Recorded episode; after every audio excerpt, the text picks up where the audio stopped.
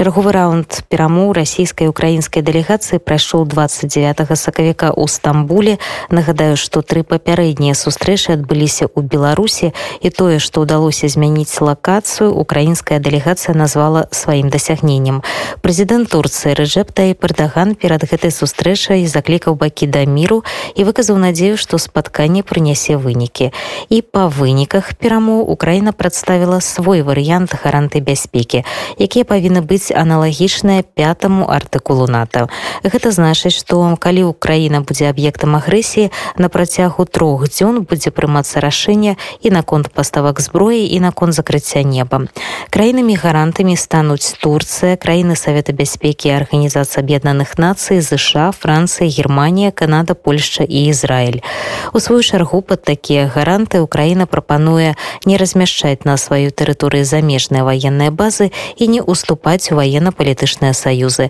але прынцыповае пытанне што нішто не будзе супярэчыць права ўступлення краіны у еўросаюз гаранты не распаўсюджваюцца на тэрыторыі Крыма і ардлом па іх будуць прымацца асобнае рашэнне расіяне ў сваю чаргу на перамовах заявілі што робяць насустрач у краіне крок і адводзяць войскі з чарнігаўскай і кіеўскай абласцей ну а пакуль расійская дэлегацыя паехала думаць і выпрацоўваць свае прапановы палітолог владимир воля. У размове з нашим корэспандэнтам аленай прыходзька не вельмі аптымістычна глядзець на стамбульскую сустрэчу і лічыць што яна прайшла з нулявым вынікам. Бо усе гульні у перамовы з боку рассіі гэта не больш чым палітычны тэатр Я думаю, що варто розпочати з того, навіщо взагалі ці переговори і кому з українського боку є певний пакет пропозицій, і українська влада намагається показати, що вона готова реально до якихось компромісних варіантів для того, щоб зупинити війну. І той пакет пропозицій, який підготовлений від е, керівництва України, він виглядає по деяких пунктах неоднозначно, але все ж таки він є доволі цікавим. Да, там є цікаві моменти. Разом з тим, е, Російська Федерація дійсно ці переговори проводить для того, щоб, мабуть, е, не стільки вести реальні переговори, скільки влаштовує таку собі виставу для того, щоб показати, що вона ці переговори проводить всерйоз, а насправді за цими переговорами приховує свої якісь е, провали, маневри, перегруповування і підготовку, можливо, до нових якихось військових ескалацій. Тому Російська Федерація вона дійсно не веде насправді переговори заради результату, в смислі, щоб звільнити територію України. А російська делегація це умовно так можна сказати, це е, виставково переговорна театральна трупа, і те, що вони роблять, це одне. А те, що відбувається насправді в контексті війни і намірів російської влади, це дещо інша річ. Тому про ці переговори варто розуміти, що вони, як мінімум, російською стороною не розглядаються як серйозні переговори, і тут я погоджуюся з оцінкою держсекретаря Сполучених Штатів Ентоні Блінкена, що Росія всерйоз переговори не веде. Вона створює видимість переговорів, і на користь цього свідчать такі речі, що Пісков в той час, коли переговори вже розпочались у Стамбулі, Пісков, речник президента Путіна, заявив, що після цього раунду взагалі Росія подивиться, чи потрібно потрібні їй подальші переговори, чи будуть наступні раунди. Ну а власне Шойгу теж заявив, що буде посилюватися військова активність суттєво на Донбасі.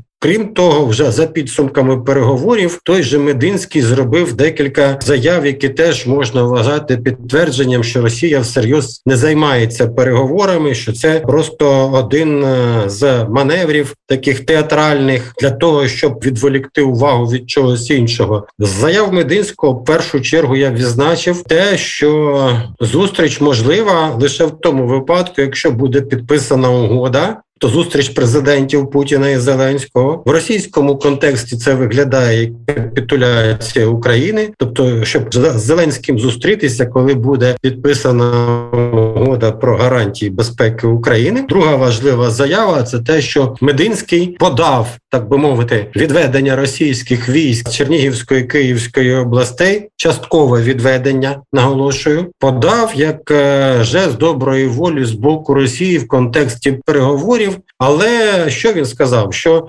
буде зменшення військової активності російської в рази, але припинення вогню не буде.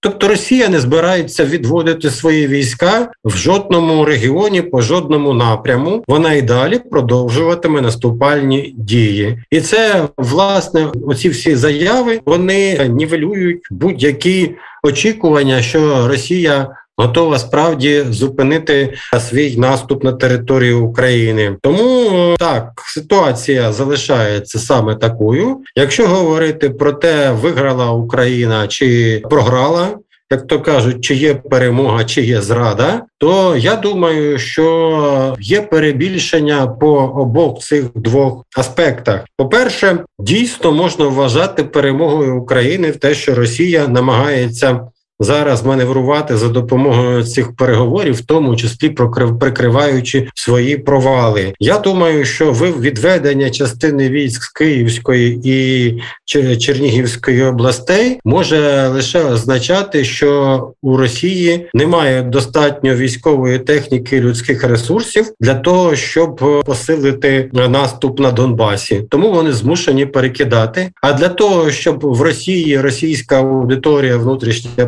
правильно сприйняла через цей переговорний майданчик. Е, Мединський озвучує правильне пояснення для росіян оцього військового скорочення військової присутності біля Києва. Можливо, ці сили будуть поновлені, і після того як вони там впораються, так би мовити, на Донбасі, знову буде посилення військового наступу е, в районі Києва. Але це гіпотетичний сценарій. Поки що ми бачимо, що в Росії реально не вистачає військ, і фактично хоч і не прямо Мединський на переговорному майданчику, раніше е, в Стамбулі це визнав. Немає перемоги в тому, що Росія там, начебто, дослухалась до якихось українських пропозицій. Поки що немає ознак того, що Росія серйозно готова піти на деескалацію. Власне, заради цього е, українська сторона і вела переговори, щоб зупинити військові дії і домогтися від Росії виведення своїх військ з території України. Цього не відбулося. Що стосується зрад, можливих то зрад теж немає. Там з'явилися повідомлення про ті пункти, що там по Криму можуть вестися переговори 15 років. Окремо переговори вестимуться з приводу Донецької Луганської областей. Все це поки що сирі ідеї, які неможливо реалізувати, якщо згадати про контекст. А контекст такий, що Росія багато років вже відмовляється взагалі обговорювати питання Криму. Взагалі, і я не думаю, що доки Путін при владі в Росії, Росія погодиться обговорювати статус Криму. Тому це швидше оця ідея про можливість такого обговорення. Це пропозиція, або так би мовити, один з варіантів пропозиції з України українського боку для того, щоб показати, що Україна не змиряється, не змириться з анексією Криму, готова до якогось компромісного варіанту, щоб повернути Крим, хоча б через певний час. Що стосується Донбасу, там взагалі історія, що така, що з приводу Донбасу президенти Путін і Зеленський повинні вирішити це питання під час особистої зустрічі. Чи буде ця зустріч? Теж питання, тому що в російському контексті це швидше виглядає як те, що буде укладена угода про гарантії безпеки і під час її парафування міністрами закордонних справ будуть присутні президент Зеленський і Путін, і вони обговорять тему Донбасу. Тобто виглядає так, що угода точки зору Росії не повинна включати гарантії порушення територіальної цілісності України в частині Криму і в частині ЛДНР Ордло. Тому це теж е, не зрада, тому що до того, щоб це це відбулося, повинно багато що відбутися, але це не може відбутися.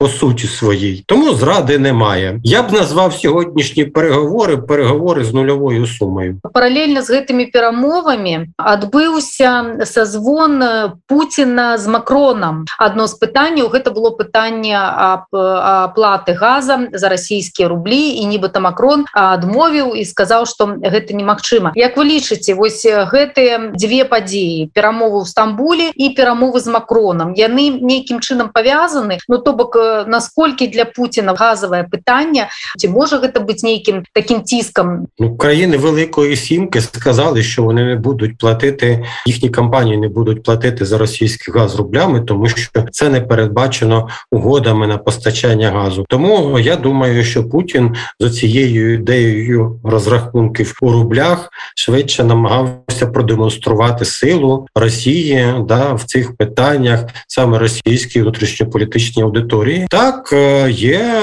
в цій позиції момент е, спроби тиску на західні держави, як хто там Пісков сказав чи Медведєв, що якщо не будуть платити за газ то газ ніхто їм безплатно не постачатиме. Я думаю, що навряд чи можна цим злякати Європу, коли вже вони побачили, що Путін занадто багато вже меж перейшов, а меж, які не, не яких вони не очікували, що Путін так зможе зробити. Тому певні ускладнення газові для Європи можливі, але я не думаю, що Європа зробить крок назад в цьому питанні. А Путін так він в тому числі намагається демонструвати силу Росії, але демонструвати це для внутрішньополітичної російської аудиторії і тих, хто так само бачить ситуацію, як і росіяни, але проживає поза межами Росії, переважно в колишніх пострадянських респуб... державах, да колишніх радянських республіках, пострадянських державах. Я не думаю, що це співпало прямо було приурочене до переговорів у Стамбулі. Час від часу Макрон з Путіним і Шольц з Путіним розмовляють телефоном. В цьому нічого такого екстраординарного немає. Там же ж Макрон намагається разом з Туреччиною реалізувати сценарій гуманітарної можливість гуманітарної місії для евакуації Маріуполя. Мирного населення, і е, я думаю, що це було одним з важливих питань, які обговорювались під час телефонної розмови Макрона і Путіна. Що стосується Росії, то виглядає так, що все ж таки санкції починають все більше торкатися, відбиватися на самопочутті російського суспільства, великого бізнесу, вже і середнього і малого бізнесу. Я вже бачив інформацію, в тому числі з посиланням на деякі російські видання, що за опитуванням представників малого середнього бізнесу, особливо дрібного бізнесу, продажі, е, тобто їхня виручка від е, їхньої діяльності суттєво знизилася. Тобто у росіян немає грошей, щоб купувати щось. Вони крім продуктів і найбільш необхідних речей. Це стагнація торгівлі, сфери послуг. Тому це ще важливий момент. Ну і продовольчий аспект теж тому санкції поступово починають тиснути на російське суспільство і на російську еліту. І оці всі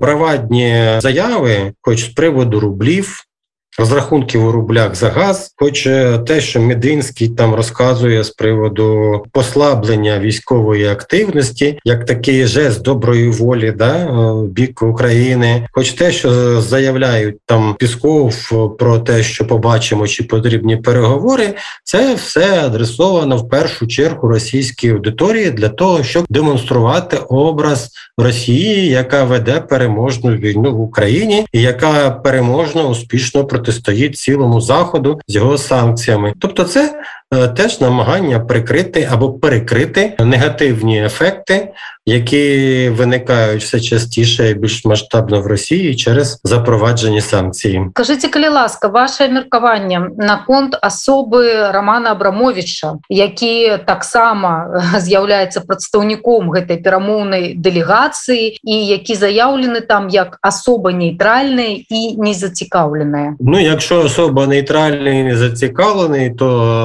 я думаю, що він не може впливати на переговори, тому що переговори ведуть урядові. Я чесно кажучи, вважаю його зайвим елементом у цьому ланцюжку. Можливо, він там намагається бути таким додатковим елементом в тому смислі, щоб допомогти вирішити саме якісь гуманітарні складові цієї кризи гуманітарної, да яка виникла через російський напад на Україну. Але з точки зору саме переговорного процесу я не бачу якоїсь серйозної ролі за ним, щоб він відігравав. Як я вже сказав, він виглядає зайвим елемент, коли працюють напряму дві переговорні урядові делегації. Навіть з приводу урядових делегацій я вже зазначав, що виглядає так, що урядова делегація Росії вона робить певні речі.